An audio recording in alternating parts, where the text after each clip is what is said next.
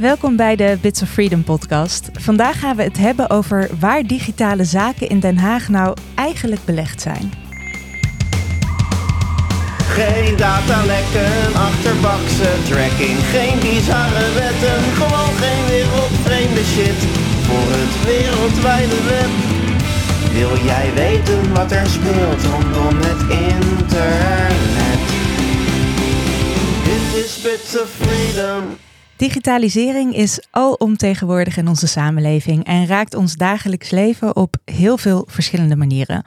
Goede wet en regelgeving op digitale zaken is daarom onmisbaar. Vandaag bespreken we hoe de verantwoordelijkheid voor digitalisering in Den Haag is verdeeld. Uh, verschillende ministeries, commissies en nu zelfs een staatssecretaris zijn erbij betrokken. Maar Waar vallen de gaten in dit complexe web van digitale verantwoordelijkheden? Wat zijn de uitdagingen en tekortkomingen in het huidige systeem? Ik ga erover in gesprek met een van de weinige mensen die langer bij Bits of Freedom werkt dan ik, Reo Zenger. Hoi Yo, yo, yo. Yo, yo, yo. Ja, even voor de luisteraars. Zo komt Reo hier altijd het kantoor binnen. S ochtends, we worden daar heel vrolijk van. Ik ga niet alleen met Reo in gesprek, maar ook met ons hardop lachende directeur Evelyn Austin. Hoi Evelyn die niet altijd zo vrolijk binnenkomt s ochtends.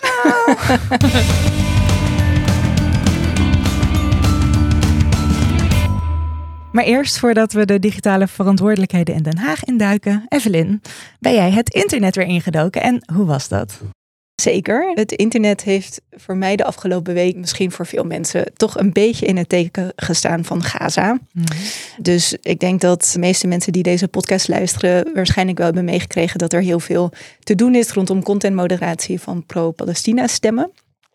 Maar ik kwam ook heel veel soort alternatieve tech-infrastructuur tegen. Terwijl ik bezig was met een soort van informatie verzamelen en al dat soort dingen. En dat vond ik toch eigenlijk wel heel opvallend en ook hoopgevend. Dus ik wilde een paar van die dingen met je delen. Ja, vertel. Nou, bijvoorbeeld, ik kwam via een eh, tip van uh, Rami Ismail, die ook wel eens bij ons te gast is geweest, op een soort indie-platform voor indie-game-makers, itch.io. En daar hebben een heel. Dat, dus dat is een platform voor indie gamemakers waar ze meer controle hebben over hoe ze hun games aanbieden en onder welke voorwaarden. En een hoop van de gamemakers die daar actief zijn, hebben een krachten gebundeld en hebben een soort spelbundel uitgebracht, games voor Gaza. Dat vond ik heel nice om te zien hoe op zo'n toch al alternatief platform, waar je meer controle hebt, het dus ook makkelijk is om dat soort dingen te doen. Mhm. Ik kwam ook de website Decolonize Palestine tegen, sowieso een, een aanrader. En daar vielen twee dingen vielen me op. Eén is dat zij donaties accepteren door middel van Patreon. Wat is dat ook alweer? Dat is een ja, soort subscription provider. Dus je oh kunt uh, ja. leden, leden werven via Patreon. Patreon heeft in het verleden ook wel eens mensen gedeplatformd. Dus extreem rechtse stemmen vaak, maar ook wel eens sekswerkers. Dus het gaat daar niet altijd goed. Maar het is wel een platform dat voor veel mensen wel voorhanden is op het moment dat je een soort van buiten de gebaande paden uh, mensen wilt betrekken. En wat ik daar ook tegenkwam was, ze gaven aan dat er geen advertenties op hun website staan. Mhm. En dat een van de voornaamste redenen is omdat door het manier waarop die advertentienetwerken werken en de trefwoorden die waarschijnlijk aan hun website gekoppeld zou worden, zij de kans heel groot achten dat er allerlei soort pro-Israël advertenties op ah, hun website te zien zouden zijn. En, dat, en dat konden ze niet controleren, dus hebben ze besloten om dat niet te doen. En nu zijn er natuurlijk manieren om buiten die grote advertentienetwerken om advertenties te plaatsen op jouw site. Maar ja, daar moet je maar net de capaciteit voor hebben. Dus dat vond ik heel interessant. Ja, wat een interessante toch alternatieve structuren die je dan tegen bent gekomen. Ik ga er in ieder geval naar linken in de show notes, zodat mensen ook zelf nou ja, je zoektocht kunnen volgen. Dankjewel voor het delen.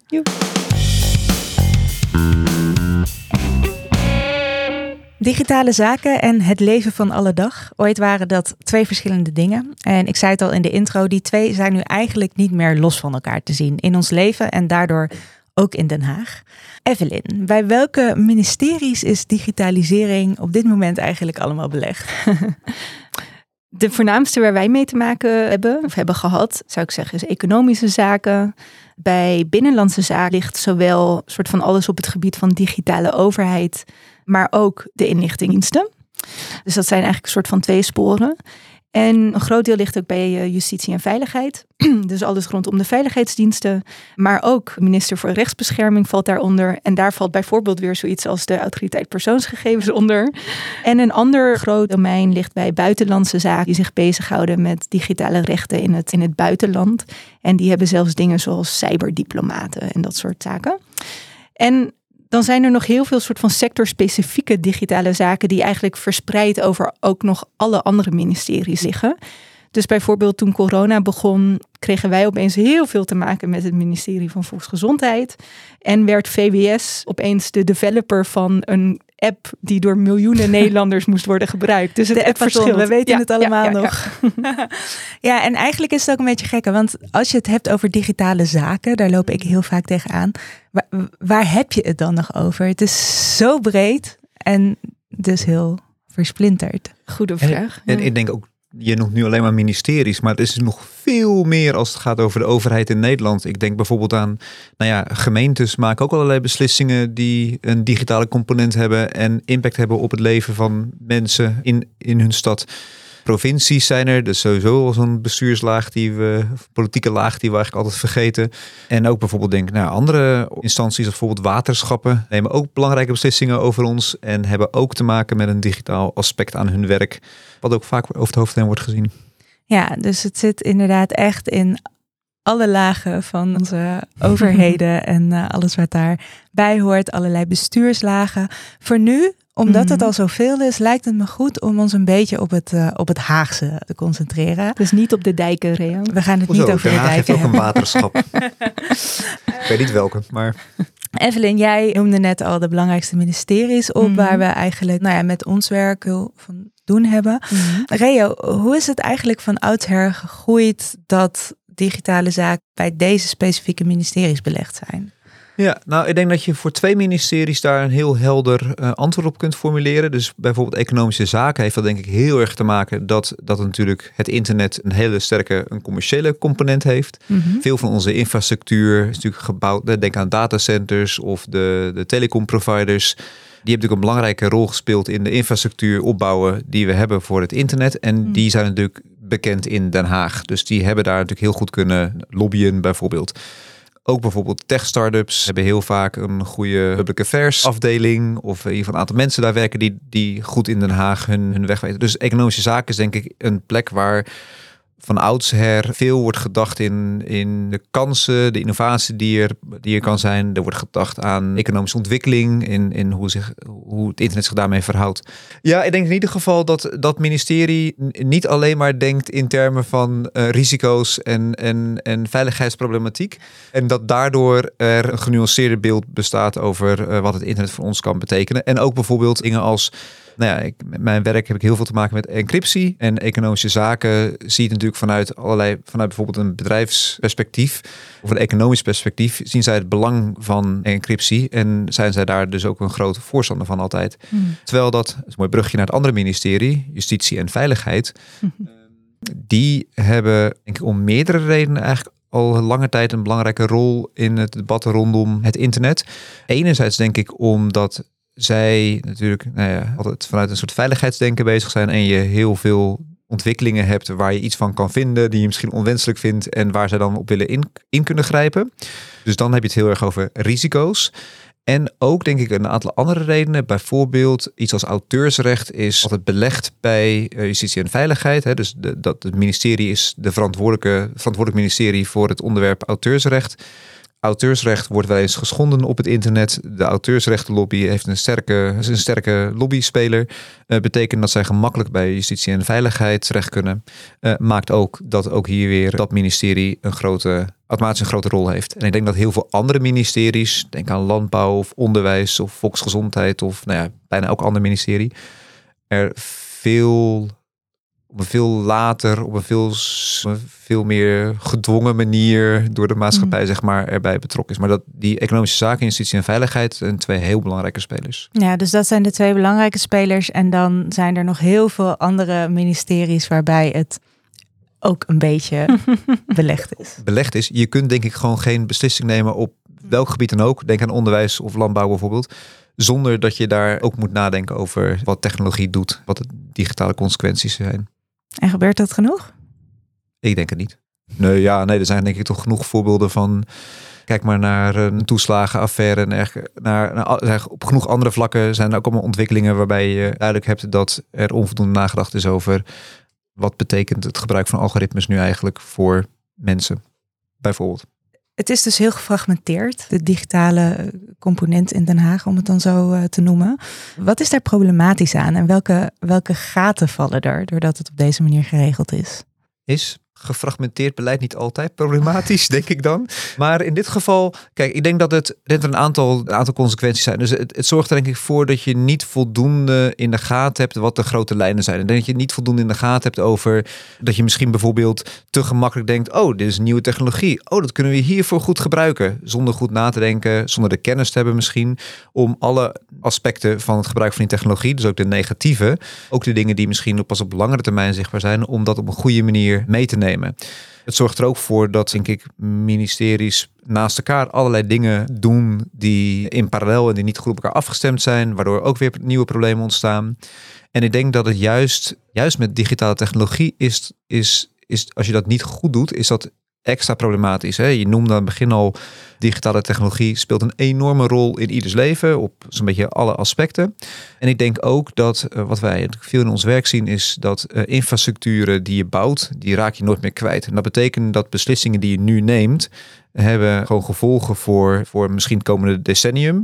En voor politici is het heel vaak heel aantrekkelijk om korte termijn beslissingen te nemen. En te laten zien dat je met een vuist op tafel slaat. En dit kan echt niet. We nemen nu maatregelen.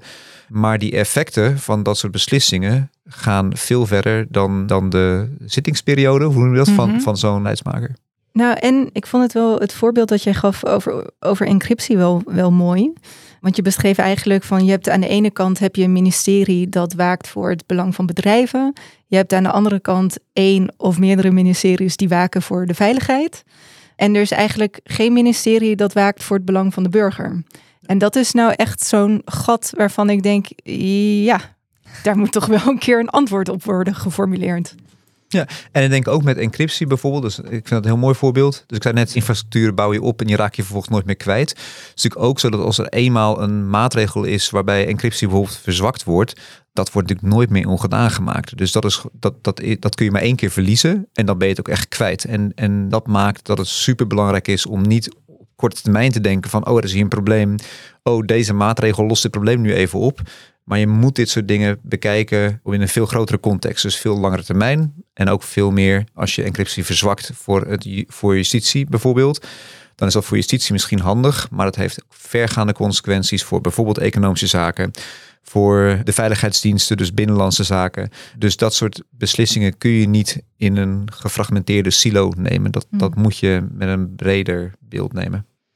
Ja, en er, er zijn nu wel een aantal initiatieven om digitalisering wat meer, nou ja, op elkaar af te stemmen of in ieder geval met elkaar daarover in gesprek te gaan in het Haagse.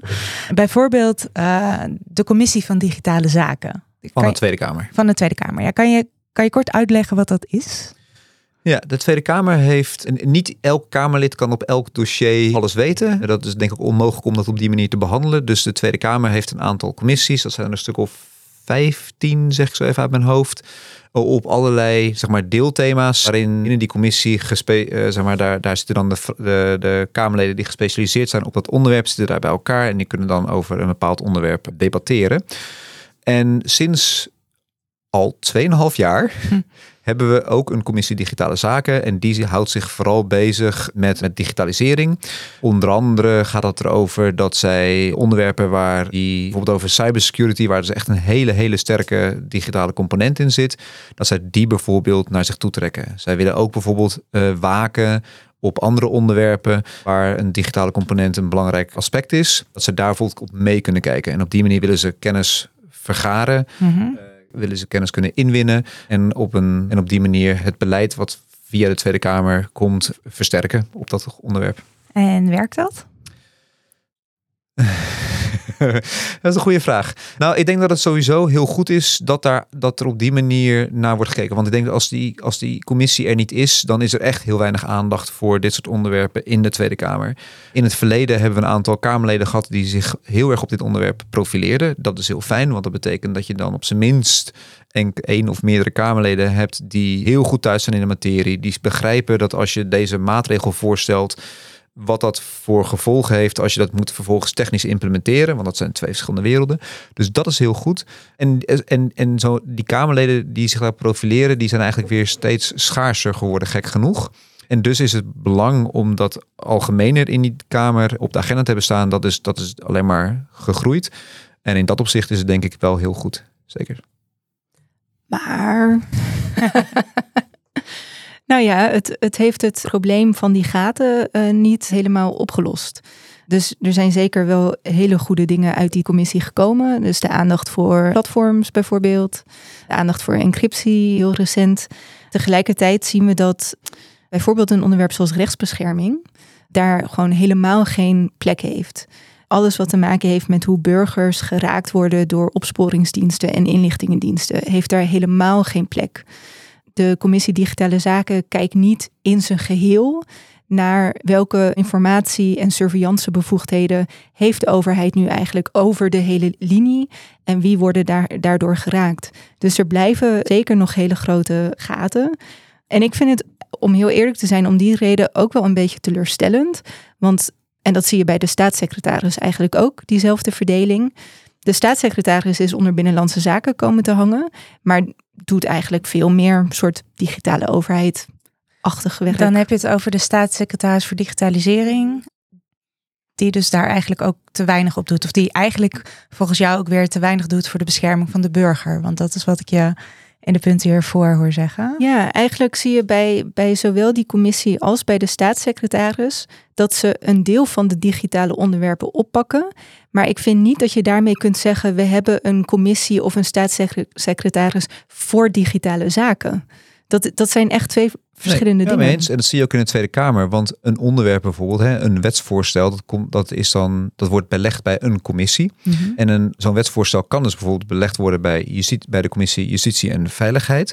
Terwijl daar nog steeds een hele sterke digitale component in zit. Of, of de die digitale component gewoon een hele belangrijke rol speelt. En als dat dan belegd is bij Justitie en Veiligheid, dan heeft die commissie Digitale Zaken daarin een heel beperkte rol. Ze kunnen bijvoorbeeld een volgcommissie zijn, dat heet het dan. Dan, dan, zijn, dan lezen ze mee, zeg maar. Praten ze een soort van eh, op de tweede bank mee. Maar dat maakt dus nog steeds dat er dus heel veel dingen gebeuren met onvoldoende aandacht voor de digitale component. En dat is bizar, want als je bedenkt, hè, wat je bij intro zei, hoeveel impact die digitale technologie op ons leven heeft, ja, dan is dat dus heel vaak onvoldoende eh, belegd, ondanks dat er zo'n commissie is. En toch wil ik zeggen dat het goed is dat die commissie er is. Ja, snap ik. Maar stel, nou ja, we hebben dan nu die staatssecretaris voor digitalisering, maar stel we krijgen een minister voor digitale mhm. zaken. Zou dat beter zijn? Nou, het is in ieder geval denk ik een, een stap in de goede richting. Dus ik denk dat de staatssecretaris van Digitale Zaken heeft zo wat bereikt. En ik denk dat het ook heel goed is dat hij er was. Maar tegelijkertijd moeten we ook vaststellen dat die denk ik niet voldoende bereikt om nou ja, om, om op een goede manier met digitale technologie om te gaan, om rechten van mensen te beschermen. En ik denk dus dat, er, dat er meer nodig is. En ik denk dat het onder andere, nou ja, je noemde net al, misschien hebben we straks een minister. Ik denk dat het bijvoorbeeld heel goed zou zijn Heel simpel voorbeeld, de ministerraad. Daar worden besluiten, belangrijke besluiten genomen over, over ingrijpende wetten. Daar zit bijvoorbeeld de staatssecretaris niet aan tafel. En ik denk dat het super belangrijk is, juist bij dit onderwerp, om die wel aan tafel te hebben. Die moet eigenlijk altijd, bijna moet eigenlijk altijd aan tafel zitten. Ik denk dat je ook zo'n digitale zakenminister moet zien als dat is niet een afgebakend domein. Hè? Dus mhm. niet zeg maar, dit is het setje onderwerpen wat daaronder valt. En deze onderwerpen hebben geen digitale component. Het is iets wat overal speelt. En dat betekent dat zo'n digitale zaken of digitaliseringsminister heeft een andere rol dan heel veel andere ministers. De minister van Justitie en Veiligheid gaat over een bepaald domein. Terwijl de digitaliseringsminister zou eigenlijk moeten gaan over al, soort overkoepelend over al die, over al die onderwerpen. En misschien dat je bijvoorbeeld zou moeten vergelijken met een minister van Financiën. Mhm. Eh, elk ander ministerie moet bij elk plan ook een begroting opstellen. En daarvoor stelt de minister van Financiën stelt bijvoorbeeld de kaders daarvoor. Die bewaakt het totale plaatje. En ik denk dat zo'n minister van Digitale Zaken zou volgens mij veel meer dat moeten zijn. Dus dat, die minister is denk ik belangrijk. Dus dat we van staatssecretaris, de staatssecretaris upgraden naar minister. dat is denk ik belangrijk. Maar ik denk ook belangrijk is dat er heel veel andere wijzigingen plaatsvinden. Bijvoorbeeld binnen de ministeries. Je, dus je kan een minister hebben, maar die, en die minister kan allerlei dingen vinden. Maar als het ambtenarenapparaat daaronder heel erg log is of niet die, daar zitten niet de juiste mensen, dan gaat die verandering nog steeds niet gebeuren. Dus er is denk ik veel meer nodig dan alleen maar die upgrade. Ja, want juist omdat thema's rondom digitalisering ook vaak zo heel erg snel gaan, de ontwikkelingen, zouden ministeries eigenlijk ook veel sneller moeten kunnen inspringen en het op die ontwikkelingen. specifieke technische kennis om het internet goed te begrijpen. Maar niet alleen technische kennis. Ik bedoel, dus zo'n zo zo'n minister voor digitale zaken in de vorm die jij net benoemt, namelijk als een soort van overstijgende grote lijnen, bla bla. No offense. dat, dat is prima. Wat mij betreft zou dat wel minder prioriteit hebben dan een minister voor digitale rechtsbescherming. Want, want nogmaals, om terug te komen op jouw encryptievoorbeeld. Het bedrijfsleven wordt met betrekking tot digitalisering echt goed genoeg vertegenwoordigd. De soort meer repressieve kant van de overheid wordt door de ministeries op het gebied van digitalisering echt ruim vertegenwoordigd. Wat daar nog ontbreekt is een vertegenwoordiger voor de burger. Zodra die er is, dan zeg ik, dan ontstaat er een soort van level playing field waar, waarna misschien een minister voor digitale maar zijn zaken. niet, maar zijn dat niet twee verschillende problemen? Dus ik denk dat niet alleen op het digitaliseringsvlak, maar ik kan me zo voorstellen, zeg ik nu even zonder er uitgebreid onderzoek naar gedaan te hebben, zeg ik er gelijk bij. Maar ik kan me zo voorstellen dat het probleem van onvoldoende vertegenwoordiging van, van mensen, dat dat een probleem is wat heel vaak speelt. Ook op andere vlakken. Op basis van welk onderzoek zeg je dit? Ja. Precies. Shit. Nee, maar natuurlijk. dus, dus, ik denk dat, hè, dus we hebben het wel vaker bij Bits of Freedom over welke rol we kunnen spelen in dat beleidsbeïnvloedingsproces. We stellen heel vaak vast dat bedrijven heel vaak veel eerder aan de tafel zitten in een ministerie over een bepaald wetsvoorstel bijvoorbeeld, mhm. dan wij dat doen. Wij moeten daar veel vaker om mhm. vragen of moeten daar zelfs voor knokken. Het niveau waarop dat lukt is ook vaak een andere. En ik kan me bijna niet voorstellen dat dat een probleem is wat uniek is voor ons of voor ons gebied. Dat is volgens mij een probleem voor op elk ander gebied net zo goed. En ik denk dat daar ministeries bijvoorbeeld een verantwoordelijkheid hebben om dat anders te doen. Ja, maar ik zou het wel mooi vinden als zo'n minister voor digitalisering daardoor zegt: Oké, ik moet inderdaad voor dat bedrijfsleven dingen in de gaten houden. Ik moet inderdaad voor de veiligheid dingen in de gaten houden. Mhm. Maar ik heb ook de rechten van de burger en mensenrechten om in de gaten te houden. Nou ja, en volgens mij hebben we dus in eerste instantie meer behoefte aan iemand die alleen dat laatste doet. En daarna pas behoefte aan iemand die het alle drie afweegt. Want op dit moment wordt dat laatste gewoon niet gedaan. Het kan ook op een andere manier. We kunnen ook zeggen, de minister voor rechtsbescherming moet een soort van verlost worden uit dat ministerie, ministerie voor Justitie en Veiligheid. En, en logischerwijs, nou, die uh, persoon die krijgt dan een andere portefeuille, komt veel meer aandacht voor de manieren waarop de rechtsbescherming in het gedrang komt vanwege digitalisering. Vind ik ook een oplossing. Maar minister en specifiek met de definitie digitale zaken gaat denk ik de problemen, de gaten die we zien, niet invullen. Ik ben het daar helemaal mee eens. Maar volgens mij is het niet of-of, maar is het en-en. Dus ja. Maar met, met uh, hoe zeg je dat? Met een tijdlijn. Ik wil een tijdlijn, ja, mensen. Goed. Ja, ook goed. We zetten het op de agenda. Heel erg dank jullie wel.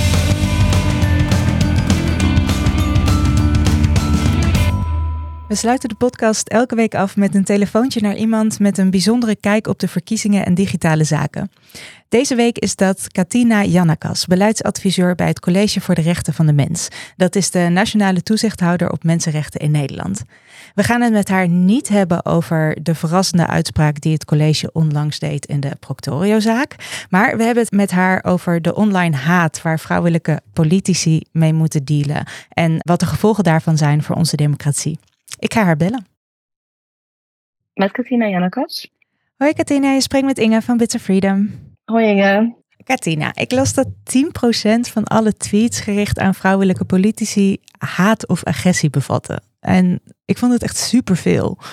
Wat zijn de gevolgen voor de democratie dat het internet zo'n onveilige plek is voor vrouwelijke politici? Ja, die gevolgen die mogen we echt niet onderschatten. Een democratische rechtsstaat, hè, zoals we die in Nederland hebben, mm. die kan niet goed bestaan zonder de vrijheid van meningsuiting. De vrijheid van meningsuiting beschermt het recht om je mening en je ideeën te uiten en te verspreiden, hè, bijvoorbeeld via het internet. Mm-hmm. Maar het beschermt ook het recht om meningen en ideeën van anderen te ontvangen. Dus wanneer vrouwen eigenlijk niet goed meer aanwezig durven te zijn op het internet, of hun mening daar niet meer goed durven te uiten vanwege al die haatreacties die zij ontvangen, mhm. ja, dan komt die vrijheid van meningsuiting dus eigenlijk op twee manieren in gevaar. Als eerste tast het de vrijheid aan van vrouwen om hun opvattingen te kunnen uiten en te kunnen delen. Maar het tast ook de vrijheid aan de rest van de samenleving om al die opvattingen te kunnen ontvangen en op basis daarvan ook weer hun eigen mening te kunnen vormen. En dat is echt een heel groot probleem, want in een democratische samenleving zijn juist al die verschillende perspectieven zo belangrijk. En zonder het perspectief van vrouwen en overigens ook het perspectief van andere gemarginaliseerde groepen, hè, zoals queerpersonen of personen van kleur, kunnen we eigenlijk geen goede maatschappelijke discussies voeren. Nee, precies. Omdat hele belangrijke stemmen gewoon ontbreken. En ja, datzelfde principe, dat geldt ook voor vrouwelijke politici en de politieke participatie van vrouwen in het algemeen. Als vrouwelijke politici hun mening niet meer goed durven te uiten, of die mening toch maar wat verzachten, of wanneer vrouwen de politiek helemaal niet meer in willen, ja, dan hebben we vanuit democratisch perspectief gewoon echt een groot probleem. Omdat we dan hele belangrijke stemmen missen die we nodig hebben om onze democratie zo eerlijk en inclusief mogelijk te maken. Ja, dus het levert echt een, een, nou ja, een groot en ook wat je zegt een dubbel probleem op voor de democratie. Vanuit het college kijk jij natuurlijk vooral naar de mensenrechten invalshoek. Welke rechten staan onder druk door die online misogynie, haat naar vrouwen en vrouwelijke politici? Ja, ik noemde net natuurlijk al het recht op vrijheid van meningsuiting en het recht van vrouwen op politieke participatie. Mhm. Maar daarnaast zijn er ook nog een heleboel andere mensenrechten die worden aangetast door online agressie en online geweld tegen vrouwen. En daarbij kun je bijvoorbeeld denken aan het recht op een leven vrij van geweld en discriminatie, het recht op geestelijke en lichamelijke integriteit, het recht op fysieke en mentale gezondheid en ook het recht op privacy. Dus we kunnen wel stellen dat, ja, dat online geweld en die online agressie tegen vrouwen echt een mensenrechtenprobleem is. En omdat het een mensenrechtenprobleem is, is het ook een probleem van de overheid. Dat levert dus bepaalde verplichtingen op voor de overheid om, om dit tegen te gaan. Nu komt er zo meteen een nieuw kabinet aan. Wat zou er allemaal moeten gebeuren om het internet een veiligere plek te maken voor vrouwen? Ja, nou, er is genoeg te doen. Allereerst is het belangrijk dat de nieuwe regering en ook de nieuwe Tweede Kamerleden straks zelf ook echt het goede voorbeeld gaan geven. En geen seksistisch of intimiderend gedrag vertonen op social media of in de mhm. Tweede Kamer. Dat ze dit ook niet aanmoedigen en dat ze elkaar en hun achterban daar ook echt op aanspreken. Op beleidsniveau is het heel belangrijk dat de nieuwe regering gaat komen met een gedeelde visie op online geweldsvormen. Die is gebaseerd op mensenrechten en waarin ook wordt erkend dat online geweld tegen vrouwen een mensenrechtsschending is. Daarbij is het ook belangrijk dat de regering daarbij erkent dat online geweld tegen vrouwen een vorm is van gendergerelateerd geweld. Oftewel geweld waar vrouwen disproportioneel vaak mee te maken krijgen vanwege hun vrouw zijn. En online geweldsvormen kunnen dan eigenlijk ook niet gezien of aangepakt worden als een losstaand probleem, maar ze zijn een onderdeel van een veel breder probleem. Namelijk dat probleem dat vrouwen, als gevolg van structurele genderongelijkheid in de samenleving, veel vaker slachtoffer worden van bepaalde vormen van geweld. Mhm. Bijvoorbeeld seksueel geweld, geweld in de privésfeer, maar ook online geweld. En het is dus heel belangrijk dat binnen die brede aanpak van al die vormen van geweld tegen vrouwen, die overigens ook nog volop in ontwikkeling is en waar nog genoeg te verbeteren valt, mhm. dat daar structureel aandacht komt voor die online geweldsvormen. En dat binnen die aanpak ook structureel aandacht komt voor die onderliggende oorzaken van het geweld. Dat zijn die heersende opvattingen in de maatschappij over mannelijkheid en vrouwelijkheid en de ongelijke machtsverhoudingen tussen mannen en vrouwen. En beide dingen gebeuren nu gewoon nog niet genoeg. Dus daar ligt echt een mogelijkheid voor verbetering. Ja, en ook wel een flinke klus, want het zijn natuurlijk echt gedachtenstructuren die aangepast moeten worden. Nou ja, het is, het is een flinke uitdaging, denk ik ook, waar ze voor staan, toch? Dat is een flinke uitdaging, maar het begint inderdaad met het erkennen dat, dat, dat die uitdaging aangegaan moet worden en dat consequent ook aangaan. En we zien het nu bijvoorbeeld al wel het Nationaal Actieprogramma over grenso seksueel grensoverschrijdend gedrag en seksueel geweld. Daar wordt dat heel mooi in gedaan. Maar in andere programma's nog helemaal niet. Dus daar zit echt nog ruimte voor verbetering. Ja. Daarnaast is het ook heel belangrijk dat de regering echt serieus aan de slag gaat met de implementatie van de Digital Services Act, ja. oftewel de DSA. En op basis van die DSA moeten online platformbedrijven het mogelijk gaan maken voor gebruikers om op een laagdrempelige en eenvoudige manier een melding te kunnen maken van illegale content. En die bedrijven die moeten dan vervolgens die meldingen beoordelen en besluiten of er inderdaad sprake was van illegale content en dat zo nodig verwijderen. En ja, het is wel heel belangrijk dat platformbedrijven daarbij goede handvatten krijgen om die taak goed uit te kunnen voeren. Zodat we voorkomen dat content juist te snel of juist veel te laat wordt verwijderd, wat nu vaak gebeurt. Dus ook daar ligt echt een taak voor de nieuwe regering. Nou ja, ze, ze hebben voldoende te doen. Wij zijn ook heel, heel benieuwd naar de, de uitvoering van de DSA natuurlijk. Wij gaan dat ook eh, in de gaten houden. Ja. En jullie vanuit het college natuurlijk ook. Heel erg bedankt dat je hier even over uh, met mij in, uh, in gesprek wilde gaan. Graag gedaan. Als we op de hoogte willen blijven van jullie werk hè, op dit dossier, waar, waar kunnen we hier meer informatie over vinden? Alle informatie en al onze dossiers staan op onze website www.mensenrechten.nl. Helemaal goed. Dan ga ik even een linkje daarnaar uh, in de show notes plaatsen. En dan wil ik jou heel erg bedanken en nog een fijne dag wensen. Fijne dag. Oké, doei, doei. doeg.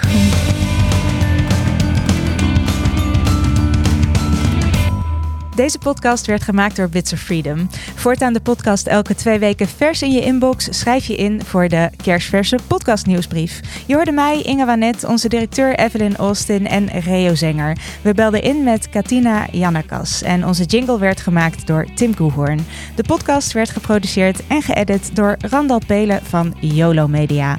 Veel dank aan onze donateurs en natuurlijk aan jou, de luisteraar. Geen datalekken, achterbakse tracking, geen bizarre wetten, gewoon geen wereldvreemde shit voor het wereldwijde web. Wil jij weten wat er speelt rondom het internet? Dit is Bits of Freedom.